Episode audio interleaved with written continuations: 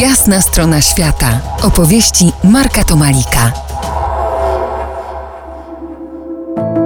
Opowiadam dziś o Erneście Shackeltonie, polarniku z początku XX wieku, który pomimo tego, że niewiele odkrył, wsławił się jako wspaniały, odpowiedzialny przywódca. Do dziś jego nazwisko świeci mocno. Świadczą o tym dwie superprodukcje filmowe. Jedna fabularna z Kennedem Branakiem w roli Shackletona i druga dokumentalna z Liamem Neesonem w roli narratora. Jest też kilka dobrych książek o nim i były i są ekspedycje idące jego śladem. Tu wspomnę o dwóch. Ta pierwsza rozgrzeje nie tylko serca. Otóż w 2010 roku w antarktycznej chacie, w której Shackleton Ongiś stacjonował, znaleziono kilka skrzynek whisky i brandy sprzed 100 lat.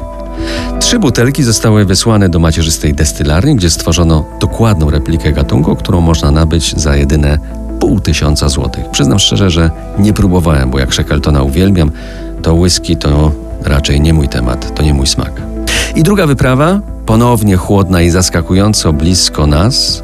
Otóż Początkiem przyszłego roku rusza w Tatry wyprawa rekonstrukcyjna, w czasie której młody entuzjasta Maksymilian Rembisz pokona tę samą odległość i ilość metrów w pionie co Sir Ernest Shackleton przy wspinaczce na Georgii Południowej w 1916 roku.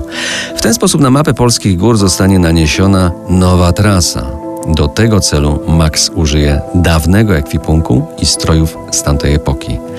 Shackleton Mountain Challenge, tak nazywa się wyprawa Maxa, która niesie znane nam już motto rodziny polarnika By endurance we conquer, przez wytrwałość zwyciężymy.